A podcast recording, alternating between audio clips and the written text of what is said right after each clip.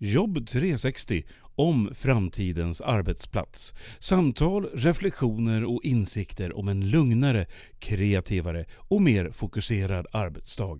Inbjudna gäster tillsammans med Pia Andreasson och hennes kollegor från Direxio.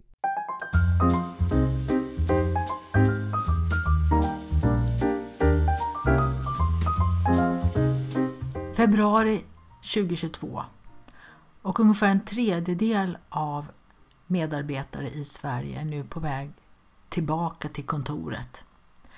Vad är det som man behöver tänka på när man kommer tillbaka till kontoret? Nu när alla har nya erfarenheter och nya tankar och vi ska ändå leta oss tillbaka till någonting som var förut, fastän det är så annorlunda. Jag träffar Emma Stenmark från Ad Insight och hon och hennes kollegor har funderat mycket på det här och jobbar också med hur man uppnår det här bra samarbetet i en grupp. Välkommen till Jobb 360!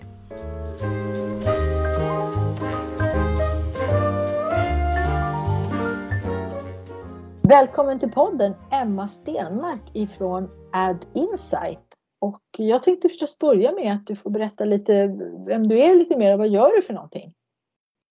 Tack Pia! Det är roligt att vara här igen får jag säga. Det är ja. ju lite mer än ett år sedan tror jag vi såg och pratade med varandra.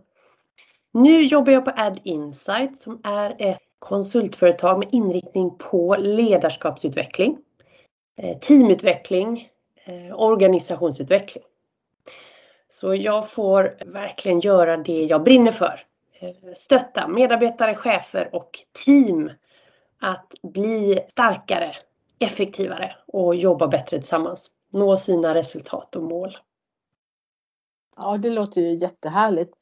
Det vi ska prata om idag är ju kanske inte helt förvånande ämnet på allas tungor just nu, eller i alla fall alla som befinner sig i och omkring kontor. Nämligen hur det här med framtidens kontor, hur kommer det att bli och se ut? Och när vi spelar in det här så har ju restriktionerna nyligen släppts och eh, människor verkar vara väldigt glada att få komma tillbaka och träffa varandra och så vidare. Jag funderar ju på det här med framtiden och kontoret väldigt mycket.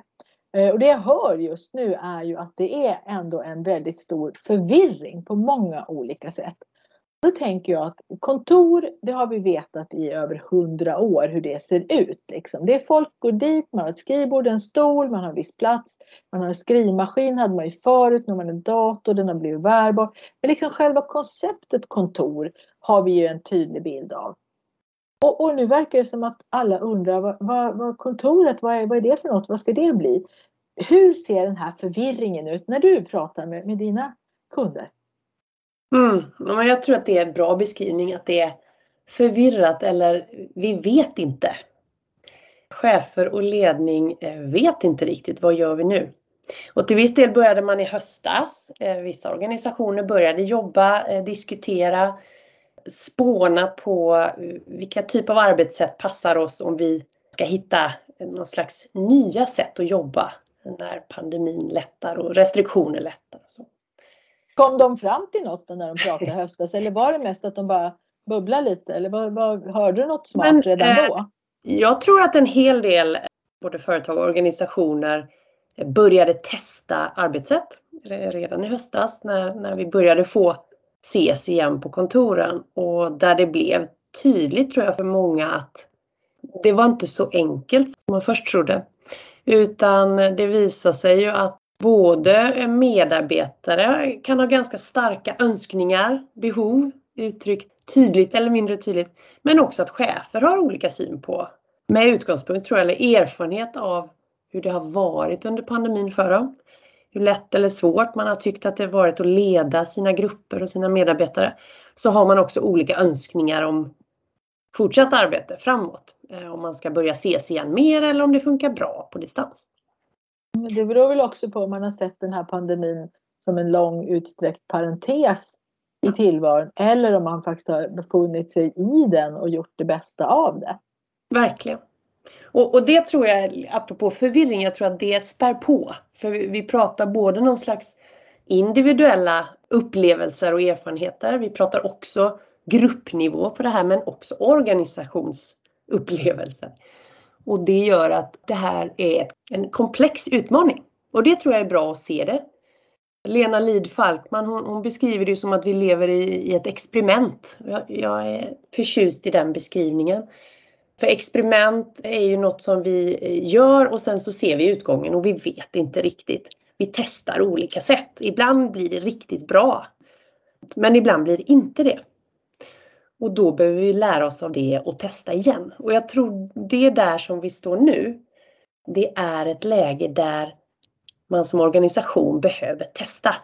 Och hellre sätta igång och testa här och nu. Arbetssätt för gruppen, för medarbetare, för vår organisation och sen följa upp och utvärdera. Så att man inte väntar och kanske ser något enormt stort arbete med att ta fram alldeles för omfattande policies eller alldeles för omfattande tänkararbete innan man börjar testa. Hellre börja testa och eh, följa upp och justera under våren. Jag tror på det. Mm. Ja, det låter som en bra plan att bara liksom go with the flow och sen förstås också utvärdera och tänka efter vad av det här nu blev bra. Men förut har man inte behövt tänka så mycket på det utan det har varit så riggat och klart. Man går till kontoret, annat, eh, ibland om man var sjuk till och med också, men var man sjuk stannade man ju hemma eller man vabbade och så. Annars så var man på kontoret och det var så tydligt för alla. Alla visste hur, hur det var möblerat och alla visste att det var för lite mötesrum och allt som kunde vara och så. Jag tänker ibland på det här med pandemin och arbetslivet som att det är lite som att när man åker på semester och tältar eller campar eller hyr någon stuga eller något vad man var man gör då. Man ska göra samma saker som man gör i vardagen. Men man måste laga mat och man ska borsta sina tänder och, och, och sådana andra hygiensaker som man kanske gör då. Allt ska man göra. Plus att man ska göra nu nya saker som man inte gör annars. Och sen det här som man ändå gör, gör man i en helt annan miljö och då kan man ju upptäcka både jobbiga saker men om det saknas en stekpanna i stugan då, då blir det ju bökigt om man ska steka hamburgare. Då får man lösa det. Men å andra sidan när man väl sätter sig och äter så kanske man har en väldigt tjusig utsikt. Och sen så när man kommer hem så upptäcker man att men här där vi är nu, där har vi ju ingen utsikt. Eh, kan, vi, kan vi lösa det på något sätt? Kanske man till och med flyttar så att man har upptäckt att det här med utsikt är någonting som vi mådde väldigt bra av. Mm. Eller man kanske bara bygger en altan eller något, om man nu kan det. Alltså när man har varit en lång stund i en annan miljö så kommer man hem med nya ögon. Och då tänker jag, det finns ju en logistisk sak i det här också. Stekpanna, inte stekpanna där i stugan, men men kontoret då? En fråga som jag har hört det är ju det här med att flera tänker på det här med aktivitetsbaserat arbetssätt och att man inte ska ha ett eget skrivbord. Och, för det kommer inte behövas för alla kommer inte vara där samtidigt. Och då brukar jag tänka att det var de inte förut heller. Men då tänkte ni inte så mycket på det. Men behöver man ha då ett skrivbord, en liten hörna för alla? Eller hur, hur tror du det kommer funka framåt? Hemma har vi ändå haft en liten hörna, vår egen. Och så kommer vi tillbaka till kontoret vad kommer vi vilja ha där? Jag tycker det är en jätteviktig och intressant fråga. För vi har ju under ganska lång tid före pandemin haft en, en omställning på många arbetsplatser mot mer aktivitetsbaserat. Ibland flex arbetsplats men, men någon slags tänk av att du inte ska ha ditt fasta skrivbord utan du ska ta en ny plats och du ska träffa nya kollegor och du ska lämna ditt skrivbord tomt och rent när du går hem. Så någon slags tillhörighet har vi ju här, i vissa organisationer på något sätt försökt ta bort. Tillhörigheten ska mer vara till hela organisationen, till alla medarbetare. Så inga foton, inga krukväxter och sånt. Det, det, man, det lämnar man nästan, som du ja. säger, till stor del försökte man komma bort från det redan före pandemin. Och skulle du fråga mig så tänker jag nog att grundläggande så mänskligt behov är att få känna lite, att jag har någon liten plats som är min. Och jag tror också kopplat till det att, att vi inte riktigt är, är skapta så att vi varje dag är öppna och har ork att sitta bredvid nya kollegor, prata med nya konstellationer, var vi nu befinner oss i kontorslandskapet. Jag tror nog att vi mer är eh, lite flockvarelser som också blir trygga av att träffa dem som vi jobbar närmast kanske och, och känner att vi bollar mest med och sådär. Och det går ju lite emot att man hela tiden ska sitta på nya platser. Det, det, är inte så lätt, tänker jag. Och jag tror att den här senaste par åren kommer påverka det här tänket. Och om det är så att man kommer skapa gruppytor, vilket jag hörde om någon organisation här där man har mer typ av liksom projektrum där vissa då projekten håller till. Då har man alltid det som någon slags sin hemvist eller man har andra typer av ytor som är för, för en eller ett par av, av teamen kanske. Och där kan man ändå känna att man kan hänga och man kanske kan lämna lite grejer och man kan stöta på dem som man kanske är tryggast med på jobbet. Eh, det tycker jag är en spännande tanke. Eh, kopplat till det här tycker jag också att det blir att fundera över hur stora kontorsytor kommer vi ha framåt. Många arbetsplatser har ju redan börjat se över det och, och framförallt om man var i någon slags fas av att byta lokaler eh, så funderar man över hur, hur mycket platser behöver vi, hur mycket ytor behöver vi? Ytor för samskapande kontra eh, rena skrivbordsytor. Och jag skulle väl gissa att i, i det som var våra tidigare kontor så hade vi för få ytor där vi kunde samskapa. Alltså jobba tillsammans kreativt med, med stora väggar där vi kunde använda och rita och sätta post-it och allt vad det är. Och väldigt mycket av ytan var rena skrivbordsytor. Jag skulle väl gissa framåt att det skulle i alla fall vara min önskan att man kan skapa fler ytor av där man kan teama sig, vara kreativ, vara innovativ tillsammans. Det är ditt tips alltså, att om du får, eller att det kommer att bli så eller att du önskar det, men i alla fall mera ytor där man samskapar och är kreativ istället för att boka ett vanligt mötesrum då, du vet med stolar och ett bord i mitten och så, mer eller mindre stort. Så ska det finnas andra typer av ytor där vi samlas när vi jobbar tillsammans. Det är alltid inte att sitta runt ett bord och prata utan man kan behöva andra typer av riggning i de rummen. Ja, det tänker jag. Absolut. Och det skulle ju också innebära att vi kanske inte behöver stora gigantiska skrivbord i den utsträckning som har funnits på många ställen. Utan det kanske är liksom nättare typer av arbetsplatser eller ställen och, och, hur vi då kan, kan få ihop det. Ja, vi vill ju inte att människor ska fortsätta skriva ut papper och stapla upp på sina skrivbord. Det hoppas vi att det åtminstone att man har kommit ifrån de senaste två åren. Att man har mer yeah. digitala dokument och så.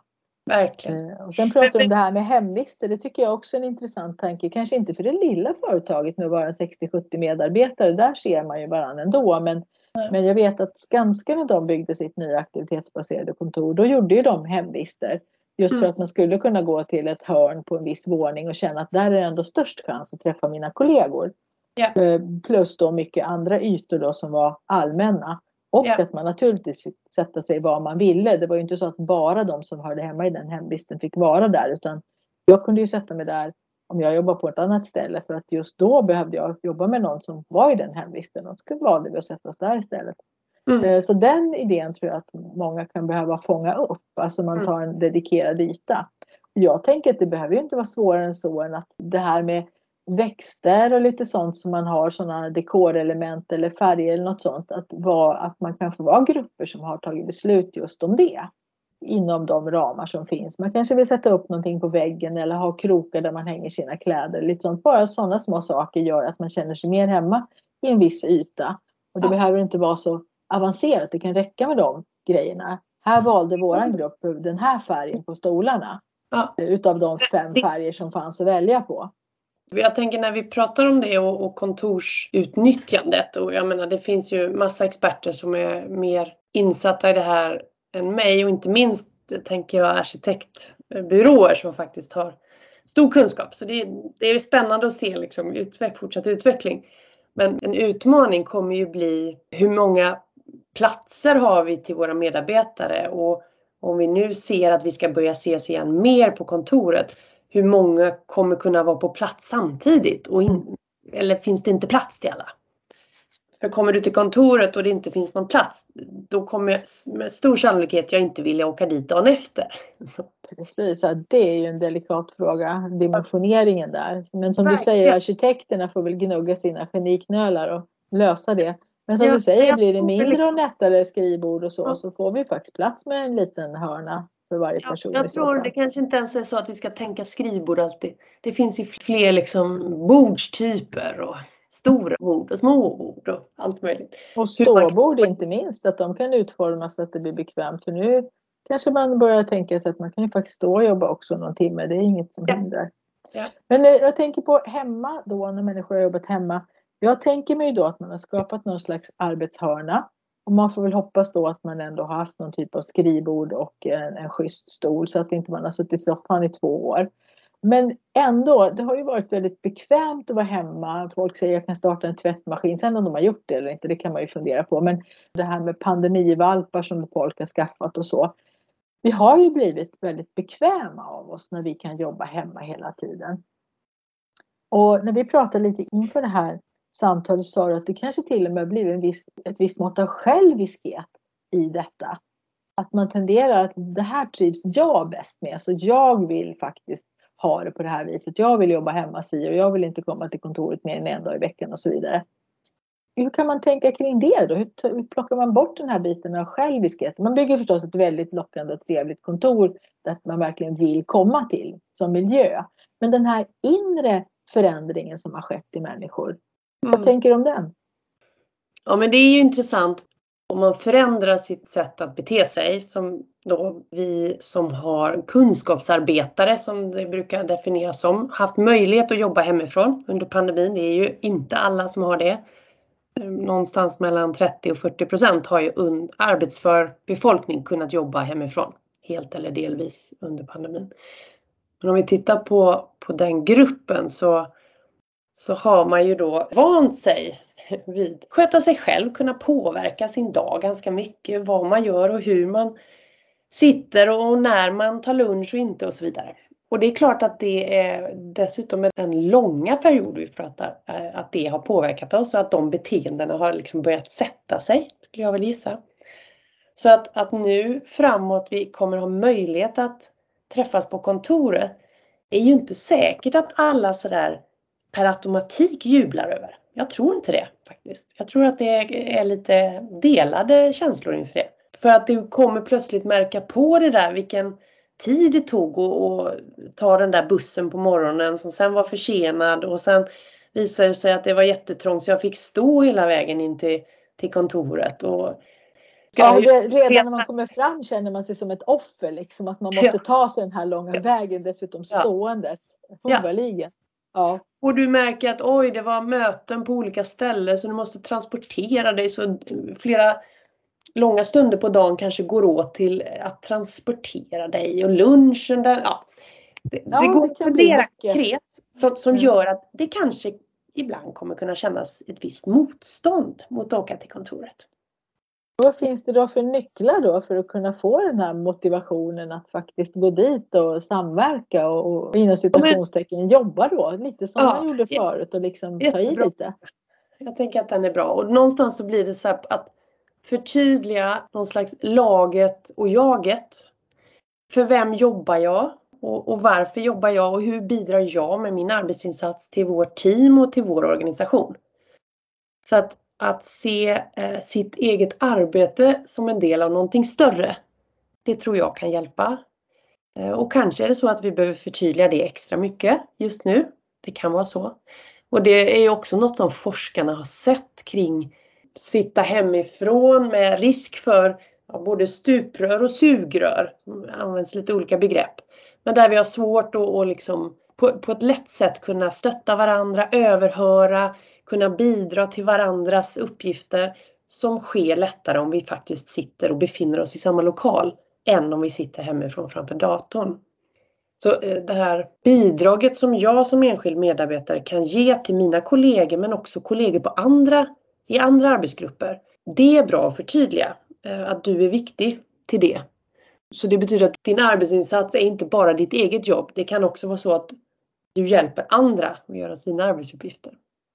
Det kommer cheferna att behöva betona mer då. Ska man vara en bra ledare och chef i framtiden då behöver man verkligen få alla medarbetare att förstå på vilket sätt den personen bidrar. Det är inte bara det att du sitter på en viss plats och gör det du brukar göra utan din fysiska närvaro och kanske någon förmåga som inte har med jobbet att göra kanske är väldigt viktig.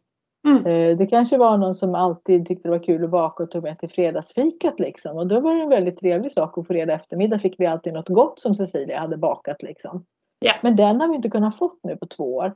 Och då Nej. kanske chefen kan säga det till Cecilia, vet att den där, de där bullarna, det som du hade varje fredag, det bidrog verkligen till en jättegod och bra stämning och känsla här på jobbet. Så ja. vad fint nu att vi kan få tillbaka det. Sen förstås är du en duktig yrkesperson, det är du också, men du bidrog även på andra sätt.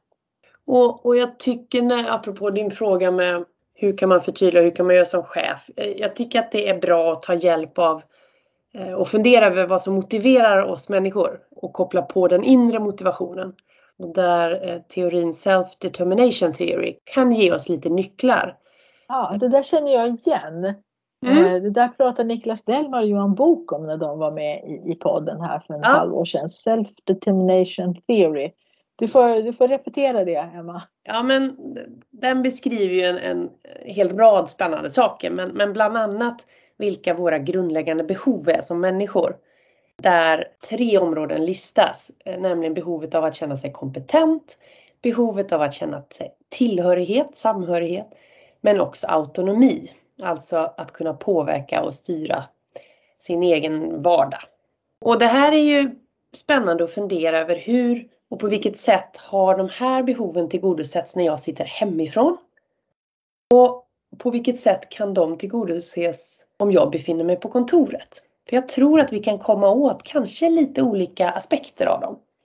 man eh, skulle väl kunna gissa att eh, autonomi eh, tillgodoses ganska väl när vi sitter hemifrån. I alla fall om vi lyckas styra och gränssätta arbete fritid på ett någorlunda bra sätt och så, där, där vi liksom kan välja när vi sätter igång och jobba och hur vi tar pauserna och om vi tar den där eh, längre promenaden eller inte för vi jobbar lite på kvällen och vi, vi liksom styr arbetstid.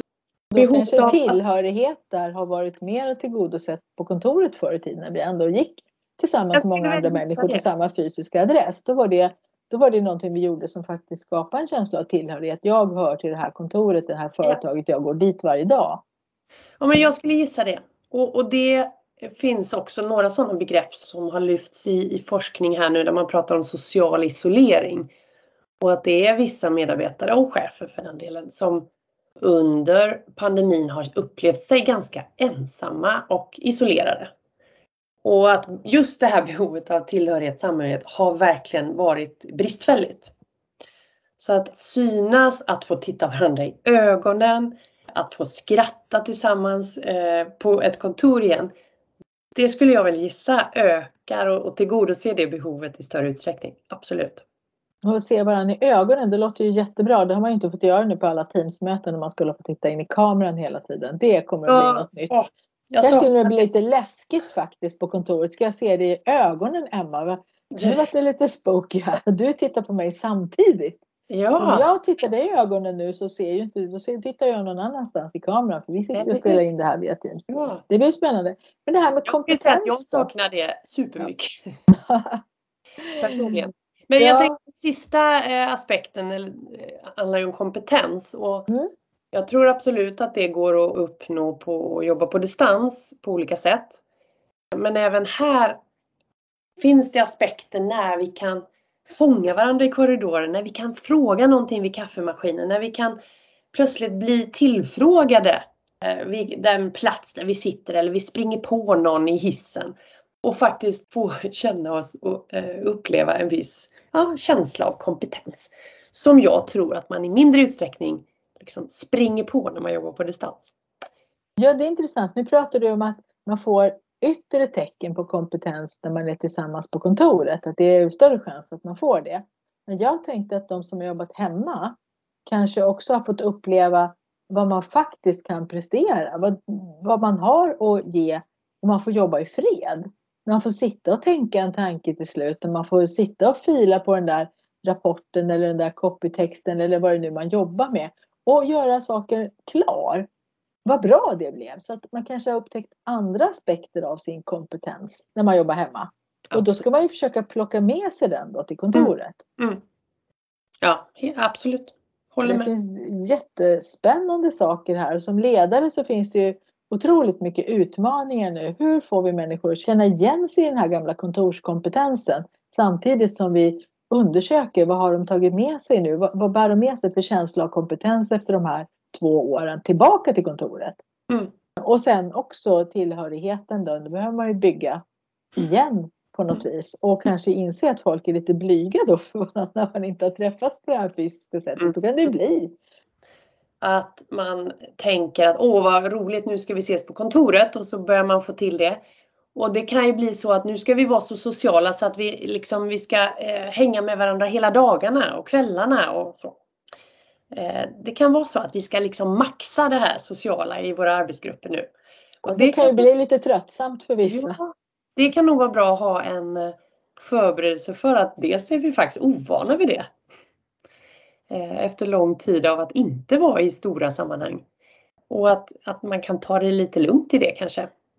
Komma ihåg att det är ett gäng människor som kommer tillbaka som har fått suttit väldigt mycket i fred, som har varit ja. väldigt autonoma.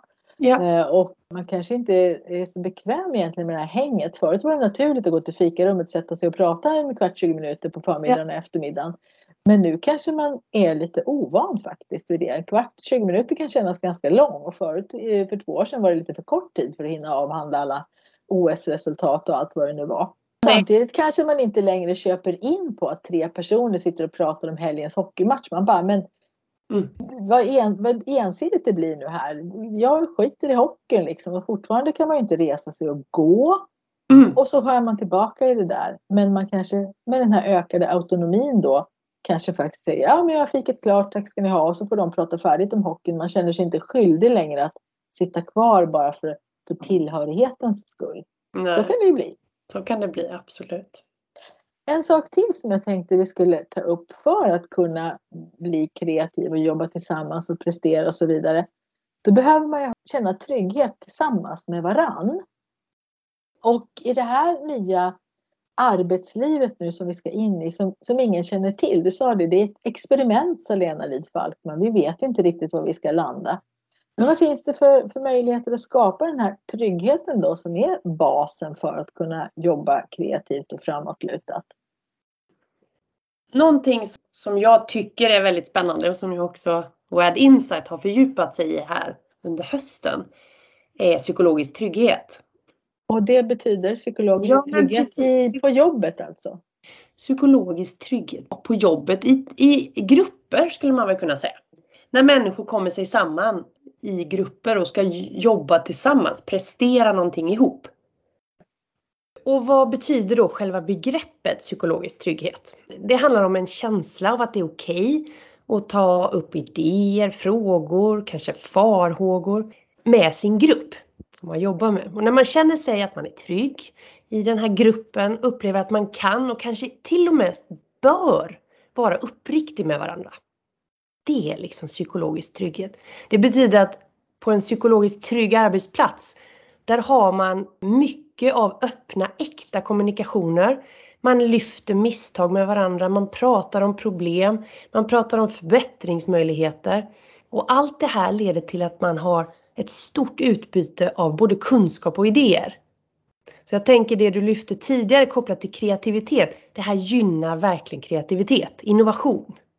Så själva begreppet, det är ett gruppfenomen. Så det här psykologisk trygghet kan, är liksom inte kopplat till enskilda individer. Och det är inte att ha med sig, utan vi pratar ett gruppfenomen. Så om man går tillbaka i tiden, hur startade det och när myntades det här begreppet? Kan ju vara lite spännande också. Och det gjordes faktiskt redan på 60-talet av två professorer på MIT, Shine och Bennis. Men de hade ett fokus som inriktade sig på individen. Individ och förändring. Så det var liksom starten och där de började använda sig av begreppet just psykologisk trygghet. Men sen blev det inte så mycket mer forskning kring det utan tiden gick och ett par, tre decennier senare, mitten på 90-talet, så blev det här eh, begreppet psykologisk trygghet aktuellt igen. Och då var det Amy Edmondson, som kanske många har hört namnet, forskare på Harvard som var inblandad i ett forskningsprojekt på olika amerikanska sjukhus. Och det hon eh, fokuserade på där var att försöka eh, lära sig och forska mer kring hur kan organisationer lära sig och hur kan de nå framgång i en värld som är så förändlig som den är. Och hur kan man ständigt lära sig och bland annat av misstag. Och fokuset då på de här sjukhusen var vårdrelaterade misstag. Och då fanns det flera medicinska experter som utvärderade läkemedelshanteringen. Det var, de rapporterade felen men Edmundson och hennes forskarkollegor de tittade på teamprestationer och effekter av samarbete vid olika typer av misstag. Det här höll de på med i ett halvår ungefär och sen började de analysera resultaten. Och det är det här som liksom blev spännande för resultatet väckte ganska mycket överraskning. Det visade sig att de teamen som funkade riktigt bra, de högpresterande teamen, det var också de teamen som rapporterade högst nivåer av misstag. Och man skulle ju kunna tro att det är liksom de medelmåttiga teamen som gör fler misstag. Och det här liksom började hon fundera kring och eh, bestämde sig för att, att gå vidare och titta ännu mer på det här. Så då hade de forskare som tittade vidare och liksom fanns med i teamen och studerade teamen lite närmre. För att titta på hur, hur agerar och interagerar de här medlemmarna i teamen, alltså medarbetarna.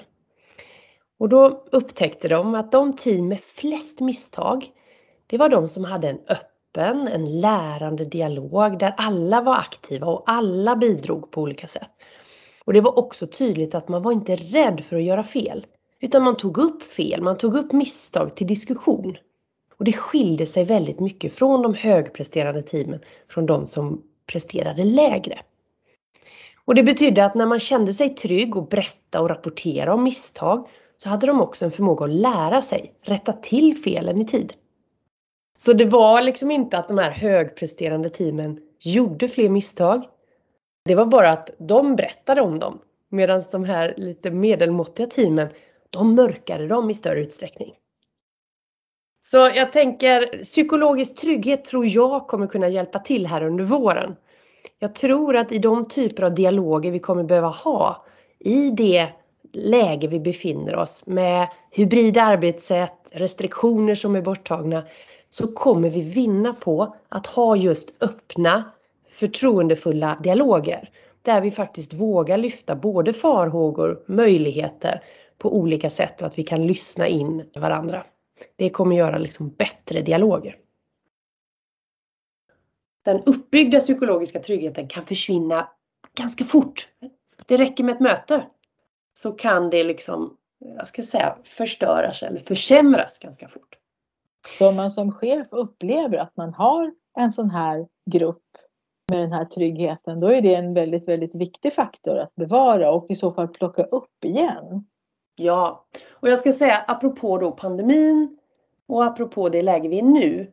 Det man ser är ju att att jobba på distans, att jobba digitalt, det kan försvåra dialoger, det kan försvåra att fatta vissa svåra beslut där vi måste prata om att vi tycker olika och, och vi kanske till och med ska ge varandra feedback kring det. Och så. Alltså den typen av dialog blir svårare i det digitala.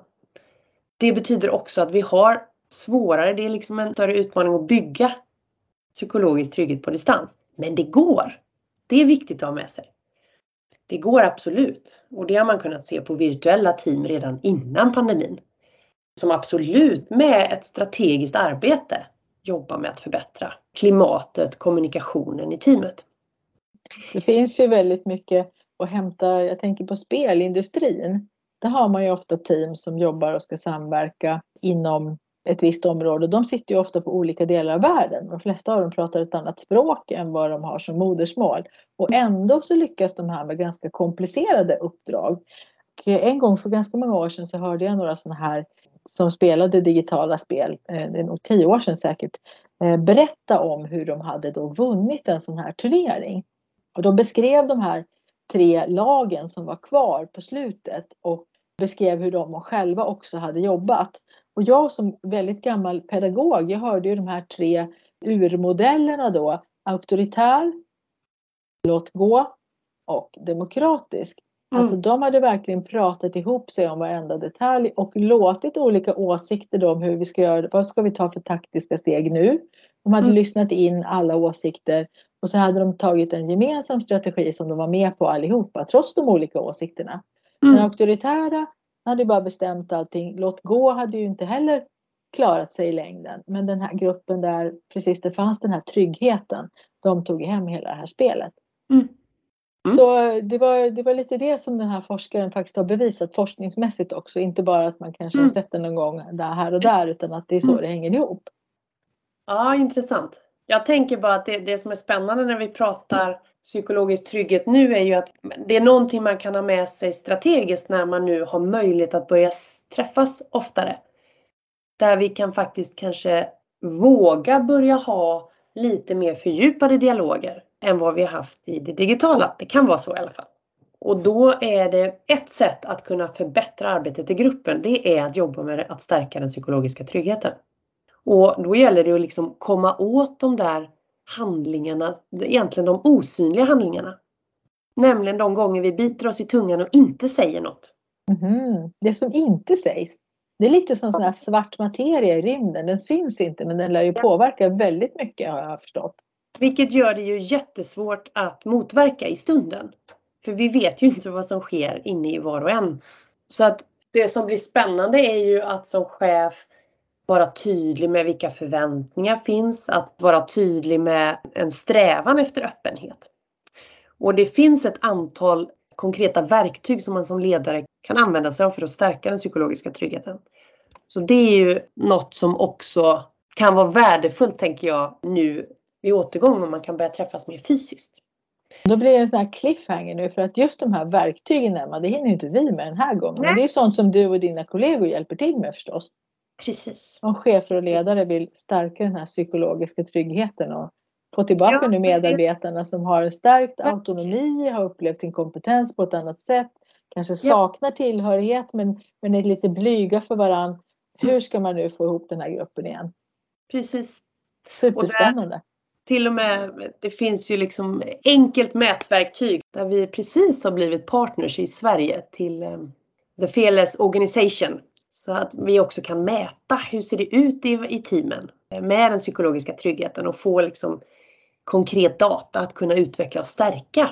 Så ni mäter den svarta materian i teamet? Det kan ni göra nu? Ja. Ja, precis. Mm. Man får veta vad som inte sägs. Mm. Vad spännande! Nej men det här det lämnar vi nästan som en cliffhanger. Ta med er nu det här allihopa. Psykologisk trygghet i teamet. Det måste man skapa om man ska komma någon vart. Och nu finns alla chanser att bygga upp en sån som man inte haft förut. Nu har vi varit ute i något nytt. Nu kommer vi tillbaka tillsammans och då kan man bygga någonting helt annat mm. än vad man hade för två år sedan.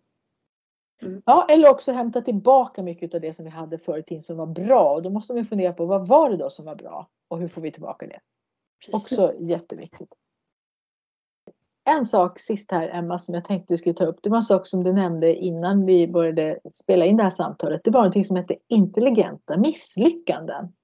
Och det tyckte jag var spännande. På tal om då att, att Lena Lid Falkman sa att vi lever i ett experiment. Så vad betyder det här begreppet? Ja men det är spännande och det är hämtat från Amy Edmondson som då forskar på psykologisk trygghet. Och där misstag och att känna sig trygg och berätta om misstag är liksom en, en viktig del när vi tittar på den psykologiska tryggheten i team.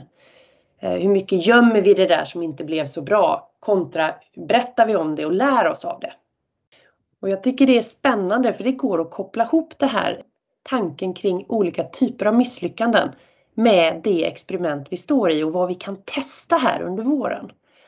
För Amy hon delar in misslyckanden i tre olika typer. Undvikbara misslyckanden, invecklade misslyckanden och slutligen intelligenta misslyckanden.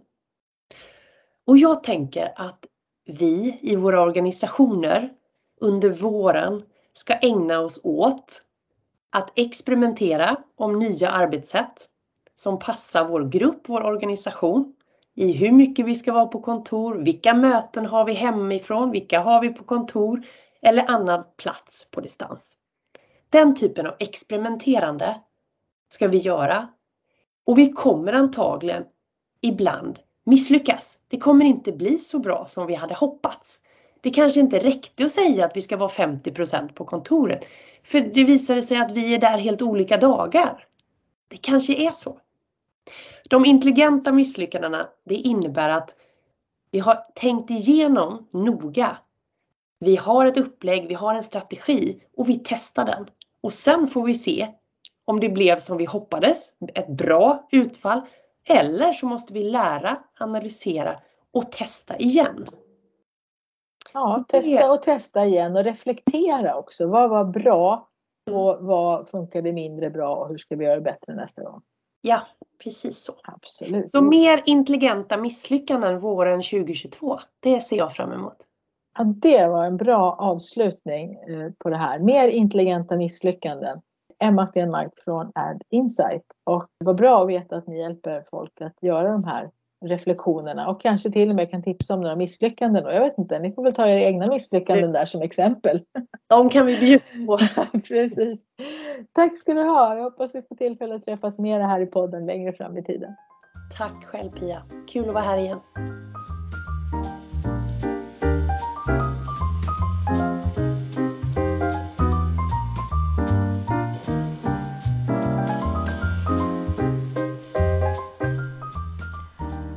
Psykologisk trygghet och intelligenta misslyckanden. Det var två begrepp som fastnade hos mig efter det här samtalet med Emma från Ad Insight. Så hur tänker du? Vad kan du göra för att bidra till psykologisk trygghet på ditt jobb? Hur kan ni skapa öppna samtal där man vågar prata om misstag och lära sig av dem? Det får du ta med dig i tankarna efter det här avsnittet av Jobb 360. Tack för att du lyssnar!